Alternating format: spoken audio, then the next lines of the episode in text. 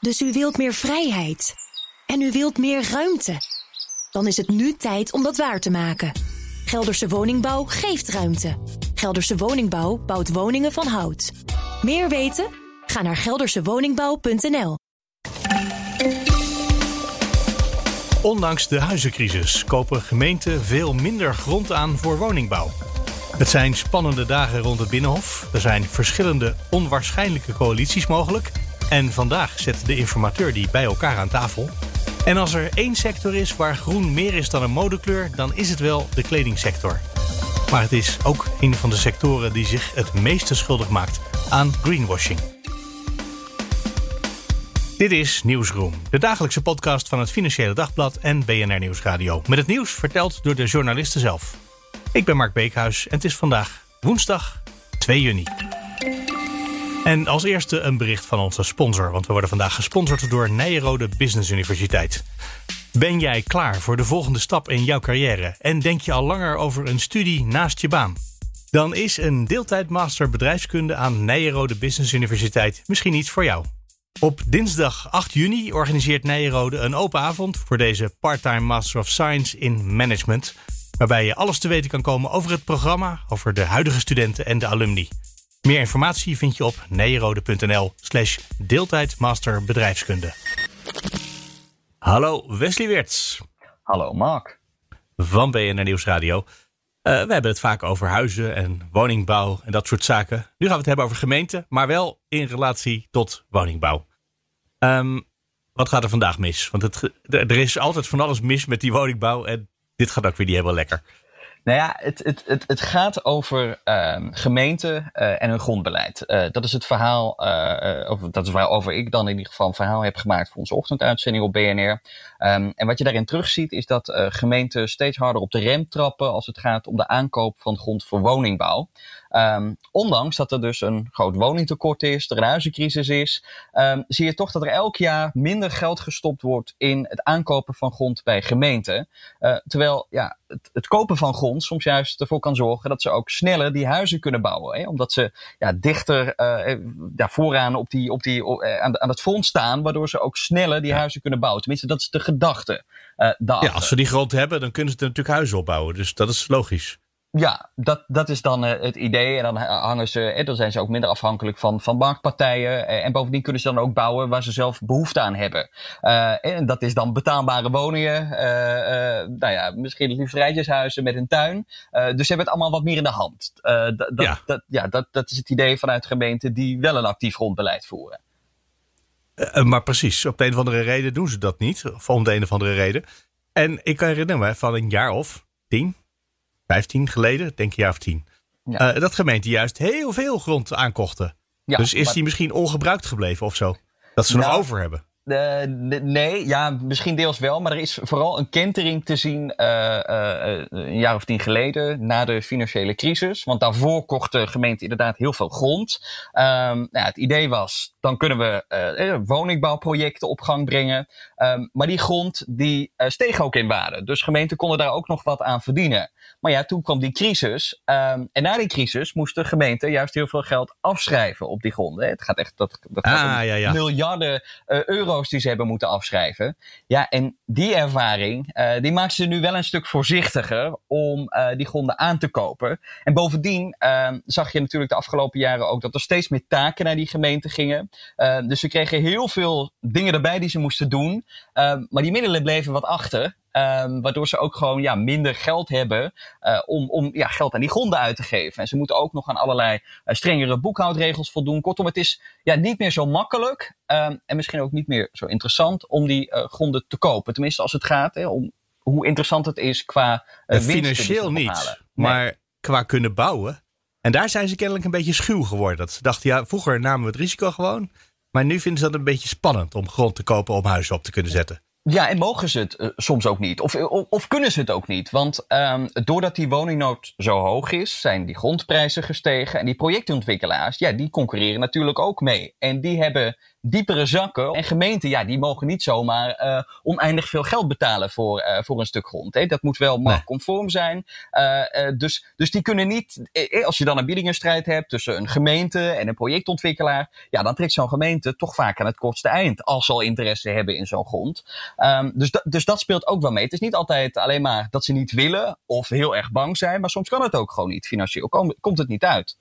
Ja, wat kunnen ze doen? Kunnen ze hun um, bestemmingsplan heel strak en strikt maken. Zodat die projectontwikkelaar weliswaar heel veel geld betaalt voor die grond. Maar vervolgens alleen maar sociale woningbouw mag neerzetten. Nee, dat, dat is wel een optie. Kijk, je moet uh, denk ik. Uh, uh, het is niet altijd zo dat het altijd een voordeel is als gemeenten zelf gronden kopen. De gedachte, daar begonnen we dit gesprek mee, is dat die gemeenten eh, niet afhankelijk is van andere partijen, meer sturing kunnen geven uh, aan zo'n project, kunnen bouwen wat ze zelf willen dat ze bouwen.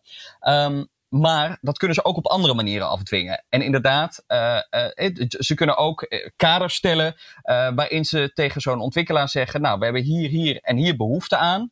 Um, en nou ja, bouw je niet in korte tijd allerlei betaalbare huizen. Uh, dan kunnen we bijvoorbeeld ook die grond onteigenen. Hè, als zo'n ontwikkelaar weigert om dat uh, in, in rap tempo te doen. Want zo'n ontwikkelaar, ja, die wil, nou, die wil ook wel uh, huizen bouwen. Daar hebben ze zich ook wel aan gecommitteerd met allerlei doelstellingen. Maar ja, die willen vooral ook winsten, rendementen halen. Hè. Hun portemonnee is in die zin leidend en niet zozeer ja. dat hele grote woningtekort. Maar ja, door, door, door op die manier toch eh, beperkingen uh, op te leggen aan zo'n uh, aan zo'n projectontwikkelaar en ook te dreigen met eventuele maatregelen, zoals onteigenen, kun je hem toch te dwingen om te bouwen wat je wil dat gebouwd wordt als gemeente. Dat, is, dat is in ieder geval een optie om dat te verwezenlijken uiteindelijk. En toch hoorde ik vanmorgen op de radio bij Bas van Werven een hoogleraar zeggen, volgens mij was die van de TU Delft, ja, maar gemeenten moeten wel echt grond gaan kopen, toch? Uh, ja, en dat geldt voornamelijk op plekken waar die projectontwikkelaars uh, dan eigenlijk helemaal geen trek in hebben. Uh, en dat gaat bijvoorbeeld om binnenstedelijke locaties die moeilijk toegankelijk zijn, waarbij, waarbij je toch wil dat er relatief goedkope huizen komen voor mensen die ook in, de stad, in, in de stad willen wonen of aan de rand van de stad. Um, en voor die plekken zou je kunnen, zou je kunnen stellen, dat zijn plekken waar gemeenten, omdat zij niet dat belang hebben om zoveel mogelijk winst te maken, op die plekken zouden gemeenten uh, wel grond aan kunnen kopen. Um, en er zijn eigenlijk twee lezingen. Want um, niet iedereen in die markt is het uh, erover eens dat gemeenten een veel actiever grondbeleid moeten voeren dan ze nu doen. Uh, want er zijn ook hoogleraren en experts die zeggen, en waarschijnlijk ook gemeenten die zo denken, van we kunnen ook bijvoorbeeld, als het gaat om uh, projecten die niet rendabel zijn voor projectontwikkelaars om uit te voeren. Uh, dat we uh, door middel van subsidies die projectontwikkelaars wat geld toestoppen om die onrendabele top van dat project weg te nemen. En zo geven gemeenten toch die bouw een boost zonder dat ze zelf allerlei grondposities in moeten nemen. En risico's hoeven te lopen. Hè? Uh, tenminste, als het gaat om eventuele waardedalingen die, uh, uh, die in de toekomst plaats kunnen vinden. Ja, um, dat dus risico laat je dan bij die projectontwikkelaar die de ondernemer is, die ook de winst krijgt, maar dan ook het risico. Inderdaad, maar dat, en, en dat wat jij zegt, dat is dan ook wel meteen weer een punt. Want dan, dan stop je die projectontwikkelaar met geld toe. Maar ja, vervolgens heb je dan wel de lasten in die zin dat je hem geld geeft om dat, uh, om dat te bouwen. Uh, alleen je hebt niet de opbrengst op het moment dat die gronden wel in waarde stijgen. Dus dat heeft ook wel weer een nadeel. Want dat geld dat je normaal gesproken verdient met die gronden, kun je of stoppen in het aankopen van nieuwe grond, waardoor je weer een woningen op kunt zetten. Of je kunt het gebruiken om nou ja, al die andere taken die inmiddels ook bij de gemeente liggen te financieren. Want er zijn natuurlijk ook wel wat tekorten op een aantal, uh, uh, op een, op een aantal domeinen. En daar kun je dat geld ook voor inzetten. Dus het, het kan ook juist een voordeel zijn om wel die, uh, om wel die gronden te kopen als, als gemeente. Als ze in ieder geval ook meer waard worden en je er winst mee kan maken. Ja, je weet zeker dat het een tijdje goed gaat en dat het er begroep met misgaat. Dus waardestijging ja. van de grond. Ja, alleen want er komt vast weer een keer een crisis. Ja, alleen, zeker. Alleen de vraag is of dit dan het juiste moment is om in te stappen. Juist ook omdat die huizenprijzen al heel hoog zijn, grondprijzen zijn gestegen. Is het de vraag of je nu dan wel in moet stappen als gemeente. Of dat je nu dan weer op een totaal verkeerd moment instapt. Uh, omdat ja, nu straks juist dat moment dat die waarde waarschijnlijk gaat dalen weer dichterbij komt. Ik zou nu gewoon al het gemeentegeld in de bitcoin stoppen. Dat lijkt me het beste idee wat er is. nou, ik weet niet of dat, dat het alles is. Nee, nee, nee, dit, is niet waar. Dit is niet waar. Maar je kunt er wel ook heel veel geld mee verdienen misschien. Maar ik zou dat niet met gemeenschapsgeld doen. En kwijtraken. Nee. Ja, nee, zeker. Ik denk dat dat wel heel risicovol is. En ik denk dat dan ook het Rijk er een stokje voor gaat steken. Voor nu. Dankjewel, Wesley Weerts. Alsjeblieft. Hallo, Julia Cornelissen van het Financiële Dagblad. Hi, goedemorgen. We gaan het hebben over groene kleding. En dan groen uh, in de overdrachtelijke zin van het woord, niet uh, de kleur. Tussen maar, uh, Ja, die andere modieuze manier van kleding maken. Mm. Duurzaam en, wat kwam jou voor woord tegen je artikel? Conscious. Conscious, ja. Ethische kleding. Bewuste kleding. Um, dat is alle kleding toch tegenwoordig? Ja, je kan er niet omheen eigenlijk.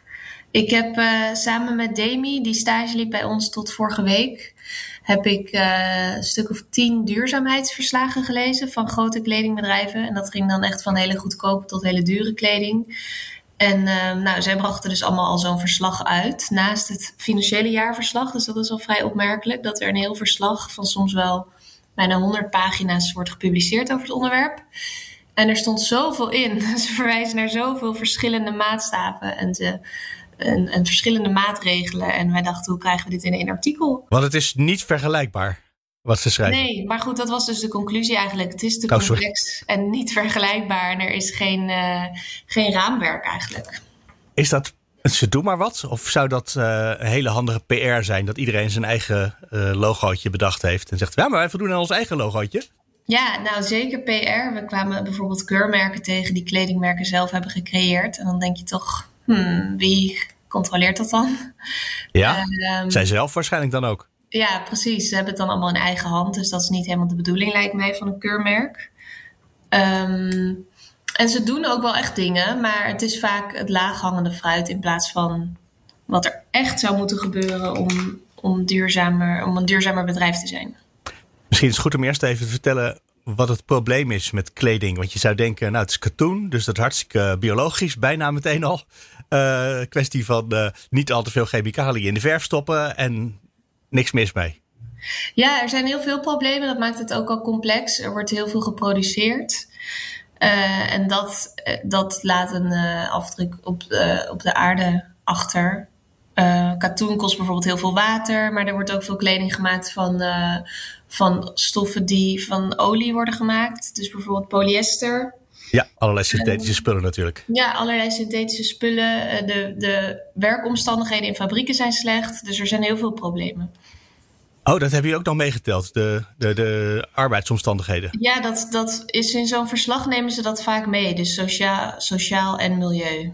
Ja, ah, dat is misschien ook wel logisch sinds het instorten van die fabriek in India. Ik vergeet je welke stad ook weer. Het heet de Rana Plaza fabriek. Rana Plaza, precies. Oké, dus dat nemen ze ook mee. En dan is natuurlijk ook, ja, dan heb je al sowieso dus de klimaat- en de milieuvervuiling. En de uh, arbeidsomstandigheden, sociale omstandigheden, onderbetaling waarschijnlijk ook. Mm, ja. Dus dan heb je ook een enorme berg aan issues die je allemaal met één logootje probeert te vangen. Ja, precies. Nou ja, ze gaan dan wel punt voor punt gaan ze verschillende problemen langs, verschillende oplossingen langs. Maar als, ja, als consument is het heel moeilijk om te snappen wat goed is. En als een bedrijf gewoon het, het labeltje groen op een collectie plakt, bijvoorbeeld, op een hele kledingcollectie, dan denk je als consument, nou top, ik ga groene kleren kopen. Dat is leuk, dat is goed voor het milieu, goed voor de mensen die het hebben gemaakt. Terwijl je eigenlijk niet weet hoe. En kan je daar achter komen als je, ja, jij bent die verslagen ingedoken en dan nog blijkt het complex. Maar kan je daar als consument achter komen? Nou, ik denk het bijna niet. Want, of, nou ja, je kan heel veel googlen, je kan er heel veel over lezen natuurlijk. Wij hebben na die verslagen gelezen te hebben een aantal experts gebeld om te vragen van... hey, is dit nou eigenlijk goed? En die energiebesparende maatregelen in hun kantoor bijvoorbeeld, dat noemen ze. Maar hoeveel haalt dat uit? Wij zijn een beetje van die dingen gaan doornemen met experts. Omdat wij ook niet meer wisten op een gegeven moment van wat heeft nou impact en wat niet. Zijn er bedrijven die het wel goed doen. Die ja, tijdens het lezen van die verslagen of tijdens gesprekken met ze je overtuigd hebben dat zij wel echt uh, nou ja, onafhankelijke keurmerken gebruiken. Uh, echt bezig zijn met productontwikkeling die duurzamer, groener, milieuvriendelijker is. Nou, van de grootste bedrijven waren wij niet echt onder de indruk. Um, en wat een expert in ons artikel bijvoorbeeld ook zegt, is dat overproductie door geen enkel bedrijf wordt genoemd.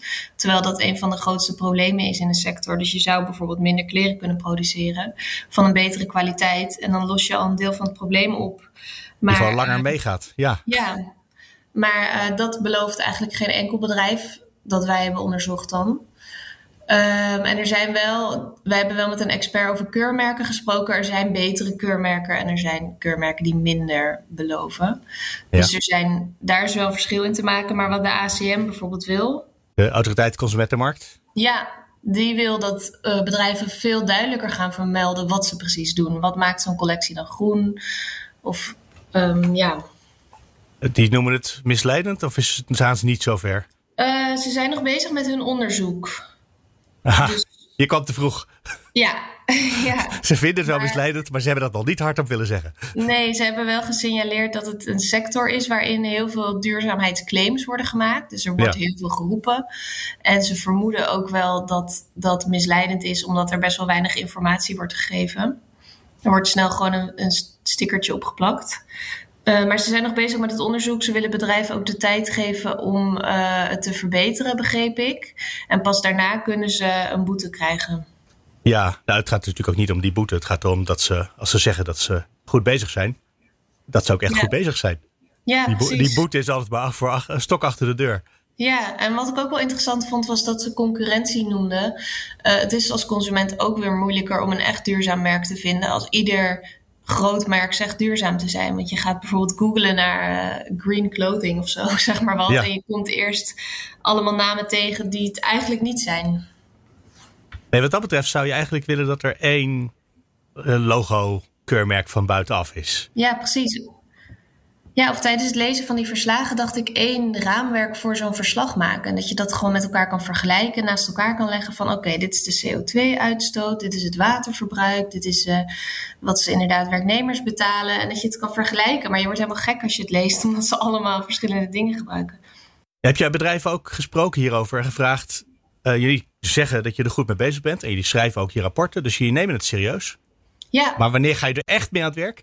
Nou ja, we hebben bijvoorbeeld met H&M gesproken. Dat is een van de grootste bedrijven van de wereld ja. in kleding. En die zijn wel echt goed bezig.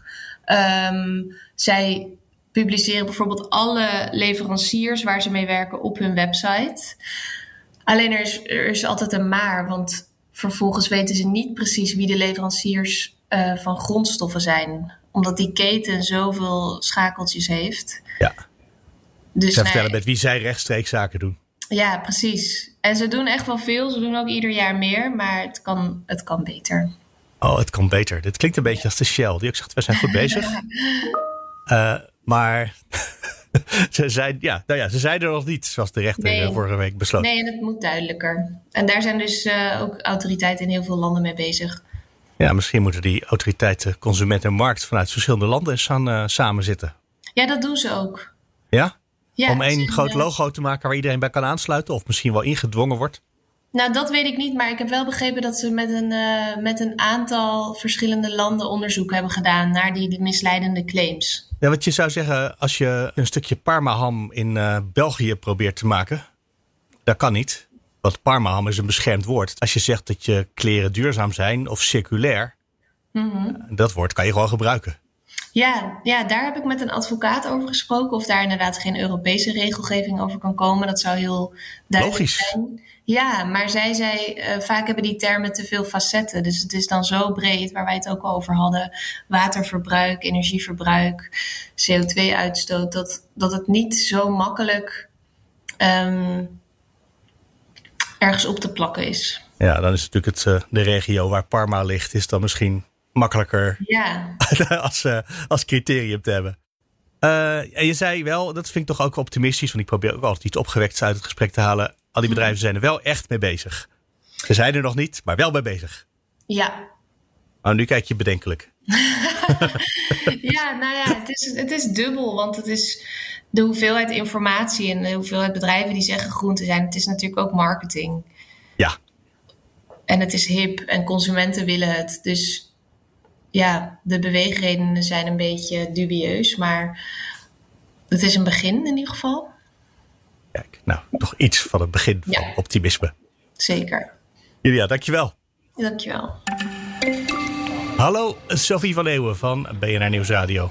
Hallo Mark Beekhuis, vanaf het Binnenhof Vanaf het Binnenhof ben jij, ja precies. voor de Ridderzaal. Waar het een komen en gaan is van, eh, ja, potentiële coalitiepartners. Zal ik ze zo maar noemen? Ja, zoiets. Ja, dus Wopke Hoekstra is al eh, weg. Die moest heel snel naar het eh, debat over de steunpakketten, over de 6 miljard. Die staat nu in de Tweede Kamer. Had ook niet zoveel te melden na gisteren. Behalve dat hij geen zin heeft in een linkse wolk. Segers kwam net naar buiten. Dat was wel even spannend. Gert-Jan Segers is natuurlijk eh, ja, die andere kandidaat waar iedereen naar kijkt. Dat is toch interessant dat Segers nu binnen is geweest. Gezellig toch weer praten met Hoekstra, met Mark Rutte misschien ook. Ja, Mark Rutte ook. Die zit Ehm. trouwens nog binnen met Hamer. Die hebben nog even een 1-2'tje op dit moment. Ja. Aha. Want dat is natuurlijk, eh, ja, iedereen lijkt van buitenaf te denken dat er gesproken wordt over VVD, CDA, GroenLinks, PvdA en D66. Nou, Maar het kan ook met, eh, met, met, met de ChristenUnie natuurlijk. Ja, dat was natuurlijk de inzet van Kaag. Hè? Eh, volgens mij al, al was het twee weken geleden. Ik ben helemaal de tel kwijt. Maar ehm, Ja. doe maar met GroenLinks en, eh, en, en de PvdA. Nou, eh, dan hoor je gisteren CDA, VVD hebben daar geen zin in. En dan is hier inderdaad ja, de man die het probleem zou kunnen oplossen. Gert-Jan Segers, die, die nu ook met ze in het kabinet zit. Best wel logisch, toch? Maar die ook heel hard gezegd heeft dat hij niet door wil. Nee, dat heeft hij gezegd eh, in het paasweekend. eh, toen hij zo boos was na de nacht van Rutte. In de vertrouwenscrisis. Hè, Pieter omzicht functie elders. Maar daar is hij wel van teruggekomen. Eh, ook omdat zijn achterban begon te stijgen. En je zag hem ook wel ongelukkig in de Kamer zitten. Ja, helemaal buitenspel. Dan tel je ook niet, niet echt meer mee met je vijf zetels. En ik zie hier toch wel een andere Gert-Jan Segers staan. Zo, zojuist. Iets pragmatischer. Zeer pragmatisch. Oh, helemaal Want toen geloofde ik hem met Pasen. En nu begin ik dan een beetje aan hem te twijfelen. Het is ook een christen en die kun je natuurlijk ook eh, vergeven. Als die, als die dan eh, dat, toen dat Oh, vond ja. en nu niet meer, denk ik dat zijn achterban er niet zo moeite mee heeft. ehm, met vergevenis. Eh, maar hier zegt hij zojuist eigenlijk: formeren is elimineren. Dus hey, je gaat met een paar mensen praten, dan ga je afpellen en dan wie er dan overblijft, daar ga je dan mee in een kabinet. Dus dat, dat, nu met GroenLinks en PvdA openlijk geflirt wordt, dat wil ik helemaal niet zeggen dat zij in het kabinet gaan zitten straks. En dat hoor je hem eigenlijk ja, tussen de regels door ook een beetje zeggen. Ehm, Ook wel ehm, interessant wat hij nog zegt is... we gaan nu eigenlijk eh, met het herstelplan... Daar, daar ging het over met Hamer. We hebben het over herstelbeleid, transitie... En, en nog niet over wie zit er nou echt straks in het kabinet. En daarvan zegt hij laten we nu met demissionair kabinet... waar ChristenUnie ook in zit... dat gewoon op poten zetten dat in gang zetten. En net zo'n breed mogelijke steun vanuit de Kamer alvast aan het werk. Want ja, dan hoeven we ook niet te wachten op, eh, op die ellenlange formatie. Die toch wel lang gaat duren hoor. Denk ik als ik het zo hoor vandaag en gisteren ook van Kaag. maar dan doen we dus eigenlijk met één verkiezing... doen we voor het gemak even twee formaties. Eentje nu, namelijk doorgaan met die demissionaire regering... die dan, dan weer missionair wordt. En eentje voor over een tijdje, voor als ze eruit zijn... welke partijen de meerderheid kunnen hebben. Maar hij, hij zegt ook wel hoor, Segers, van je, dat je dat wel parallel moet doen. In die zin dat er parallel gesproken moet worden. Ook wel over de formatie. Ehm, eh, maar ja, uit- uiteindelijk heeft het dus haast om nu met een economisch steun, een herstelpakket te komen. Dus eh, die twee eh, gaan dan parallel plaatsvinden. En komen dan aan het einde ergens, misschien na de zomer, bij elkaar. Dat is een beetje wat hij suggereert.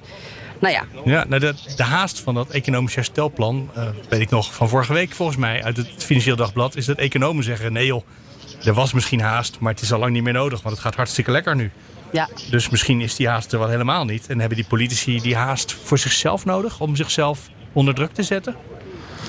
Eh, die haast, nou ja, die haast is, is er niet voor iedereen. Het gaat best wel goed met de economie en je kunt inderdaad eh, herstellen, et cetera. Maar er ligt nu ook vandaag weer een, eh, ja, toch een soort van sociaal akkoord over de arbeidsmarkt. Werkgevers en werknemers, die lijken ook wel een beetje haast te hebben van... gaan we nou eindelijk iets doen aan, aan ah ja, al, bijvoorbeeld alle jongeren die nu in de problemen zijn. Mensen die nu wel in onzekerheid zitten, juist ook door de coronacrisis. Die wil ik niet in de gat laten vallen. Dus inhoudelijk ik gezien. En dat is een radicaal plan wat die werkgevers en werknemers hebben gepresenteerd. Zo op het eerste oog. Je weet nooit precies waar de kleine lettertjes blijken te staan. Maar uh, 35 euro per uur minimum voor ZZP'ers. Uh, daar was eerst sprake van 16 euro en dat is nooit doorgekomen. Maar 35 lukt wel. Ja, um, dat moet ik nog zien. En, en een maximum aantal jaren bij uitzendkrachten. Iets uh, drie zeg ik uit het hoofd. Uh, dus dat, uh, dat soort zaken staan er dan ja, ineens geen in. Nul, geen nul um, uren contracten. Ook, uh, ook dat, ook ja, dat heel belangrijk. radicale ideeën, en, ja. En daar zijn de werkgevers dus nu voor, voortaan. Ja. Hoe kan dit? Want ik dacht eigenlijk, we zitten midden in een coalitieonderhandeling... waarin de politiek had besloten, we gaan niet meer polderen... we gaan het even onderling oplossen. Al die akkoorden met de sector in de wereld, met de polder, die, uh, dat doen we even niet.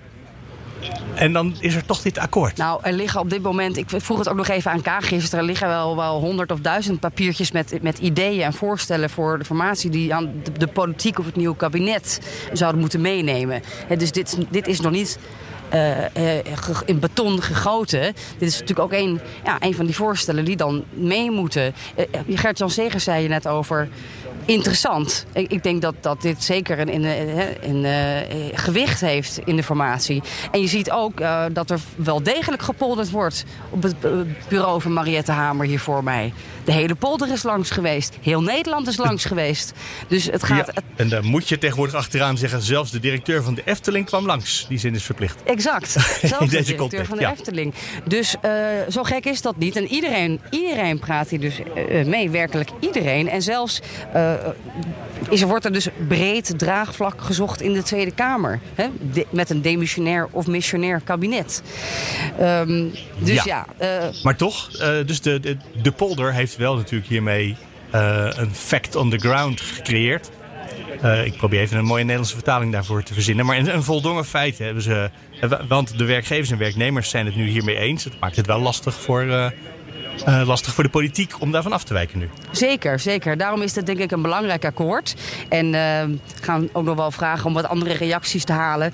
Um, uh, ik denk dat de linkerflank hè, van de politiek hier heel erg tevreden mee zal zijn. Ik ben wel benieuwd wat VVD en CDA hiervan gaan vinden. Maar wat je zegt, als de werkgevers dit willen why not, zou je zeggen. Ja, dan is deze onderhandeling niet meer nodig. Dan kunnen we dat gewoon overslaan en door naar de volgende fase. Misschien moeten we maar helemaal stoppen inderdaad met, met formeren en onderhandelen. En gewoon doen wat de werkgevers en de, en, de, en de vakbonden willen. Dat is ook een oplossing. Ja, dat, ja, dat zijn uw woorden, mevrouw van Leeuwen. Even goed. Dit is dus nu gaande. En wat er ook gaande is, je zei al, Rutte zit nu bij Hamer. Dus de demissionair premier, schuinstreep, leider van de VVD zit nu bij de informateur. Maar straks sluiten daar weer een heleboel uh, partijen bij aan. De linkse wolk, zoals ze zo lelijk genoemd worden. Ja, dat maakt het tot een hele interessante dag. Dat de linkse wolk, GroenLinks en de PvdA, zo noemt Rutte ze, hè? Dat die samen met Ja, Rutte... maar de Hoekstra inmiddels ook. Ja, iedereen noemt het, ik ook, de linkse wolk. Want ze houden elkaar vast, hè? Dat zeiden ze gisteren ook best wel, ja... Uh, hard hier ook uh, bij het formatiekantoor. Uh, die gaan dus met Rutte om de tafel uh, en met Hamer. Dat, ja, dus net schreven we ze bijna af. Maar hier hoor ik toch ineens weer dat ook de optie met Zegers niet vanzelfsprekend is. Nee, kijk, ik denk dat Hamer gewoon wil on onderzoeken hoe ver, de, de, hoe groot de kloof is tussen die, die twee opties die je eigenlijk nog hebt met het motorblok. Hè. Ga je dus over, over linkse wolk of ga je over ChristenUnie, de huidige coalitiepartner. Ik denk dat zij wil onderzoeken hoe, uh, hoe groot de kans is dat, dat, dat een van die twee opties slaagt. En vervolgens is dan de vraag met wie gaan we volgende week doorpraten in de eerste serieuze ronde mogelijk van de formatie. Uh, ja, dat wordt heel erg spannend. En dan weet je natuurlijk dat D66 Kaag heel machtig in deze uh, als, als tweede winnaar. Uh, dat die dat natuurlijk wel over links wil. Maar ja, VVD uh, en CDA die hier vanochtend zaten, die hebben daar geen zin in. En wie heeft de verkiezingen gewonnen? Nou, en er zit wel een verschil in woordkeuze. Hè? De VVD en uh, CDA hebben ze het over. Het ligt niet voor de hand om het met links te doen. En bij GroenLinks en de Partij van de Arbeid hoor ik zeggen: wij gaan met z'n tweeën of we gaan niet. Dat is een andere orde van stelligheid. Ja, zij zijn heel stellig in, in die zin dat ze zeggen: wij laten ons niet uit elkaar spelen. We zijn heel benieuwd hoe lang ze dat gaan volhouden. Misschien blijven ze dat volhouden. Maar dat kan ook een argument zijn voor, hè, voor Rutte, die altijd zei: Ik wil geen linkse wolk, oftewel twee partijen. Om te zeggen: Ja, dat is een brug te ver. Dan moeten we toch nog eerst even met Gert-Jan Segers gaan praten. En kijken hoe hij er nu in staat. Hè, twee maanden of langer na de vertrouwenscrisis. Dus. Ja, maar dan hangt, er ook vanaf hoe uh, D66 erin staat. Die natuurlijk juist. Die hebben het steeds over zo progressief mogelijk. Uh, niet zo links mogelijk. Dat is net niet hetzelfde, maar dat, daar zit toch wel een zekere overlap in. Ja, maar ook daar uh, uh, ontstaat ruimte voor Segers. omdat hij op, op bepaalde punten natuurlijk best wel progressief is. Hè, als het gaat om klimaat bijvoorbeeld. Hè, of als je, het kijkt, als je kijkt naar de arbeidsmarkt. hij is natuurlijk helemaal niet progressief als het gaat om medisch-ethische vraagstukken. Uh, ja, en dan, dan kom je weer op dat punt waar moet je, daar dan, uh, moet je daar dan iets mee gaan doen of afspraken over maken in dat uh, A4'tje wat het regeerakkoord heet. Dus. Mm -hmm. Ik denk, beide opties zijn niet uitgesloten. Ik, denk dat dat, ik vind dat heel spannend. Ik, ik weet niet, echt niet wie daar maandag, maandag staat. Um, wie er maandag gezellig koffie gaan drinken met dat wordt, uh, dat wordt de grote vraag voor Hamer dit weekend als ze haar rapportje gaat schrijven. Die zou dus uh, zondag af moeten zijn. Maandag is ze blijkbaar jarig. Dus dat was voor haar een deadline. Nou, ik ben benieuwd of ze dat gaat halen. Maar dan uh, kunnen we het daar maandag over hebben, over dat rapportje. En wie er dan echt doorgaat met, uh, voor het EGI met, met die formatiegesprekken. Ondertussen is uh, Hoekstra, de minister, ook verantwoordelijk voor het economisch steunpakket in de Tweede Kamer om het daar zijn, uh, zijn nieuwe steunpakket te verdedigen. Ja. Daar staat een flink aantal uren voor uh, ingeroosterd vandaag. Is dat, uh, wordt dat nog spannend of is eigenlijk iedereen wel voor dat het doorloopt zoals het doorloopt? Nou, um, niet heel spannend. Kijk, die 6 miljard die komt er, belastinguitstel, et cetera. TVL, bakken met geld gaan er weer naar bedrijfsleven, ook naar grote bedrijven. Daar, daar zit niet heel veel spanning op. ik kreeg net wel een motie doorgestuurd in mijn app van het CDA. Um, en die gaan wel een interessant voorstel doen. Een soort van uh, solidariteitstax. Oftewel, uh, kunnen de grote bedrijven die veel geld hebben verdiend, uh, noem wat Albert Heijn of zo, of bol.com, kunnen die eigenlijk de bedrijven die slachtoffer zijn van de coronacrisis gaan helpen. En, en daar dan hmm. aan, aan bijbetalen aan dat herstel. Dus dat is een wel interessant voorstel, vind ik. Um, uh, daar zie je ook weer. Hadden ze dat geld nu maar uitgegeven aan hun eigen personeel, hè? Dat de winst wat minder hoog was. Ja. Ja, ja, maar ja, ja, niks meer aan te doen. Het is, het is, ja, dat, de CDA laat vandaag zijn sociale gezicht zien in het debat. Dus, uh, maar goed, verder heb ik nog geen, uh, niet heel veel moties binnen. Dus uh, dat druppelt waarschijnlijk zo gedurende het debat en de dag en de avond in mijn telefoon in de Kamer. Dus daar ben ik nog wel even zoet mee.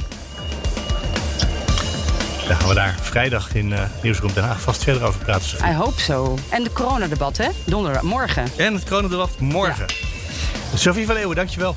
Dankjewel. En dat was Nieuwsroom voor vandaag. Je weet, je kan altijd reageren. Mail naar nieuwsroom.bnr.nl of nieuwsroom.fd.nl. Dan zijn we er morgen weer. Graag tot dan.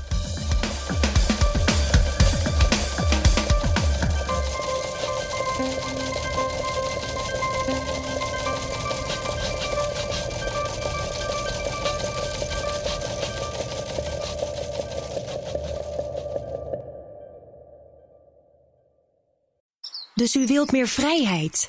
En u wilt meer ruimte. Dan is het nu tijd om dat waar te maken. Gelderse Woningbouw geeft ruimte. Gelderse Woningbouw bouwt woningen van hout. Meer weten? Ga naar geldersewoningbouw.nl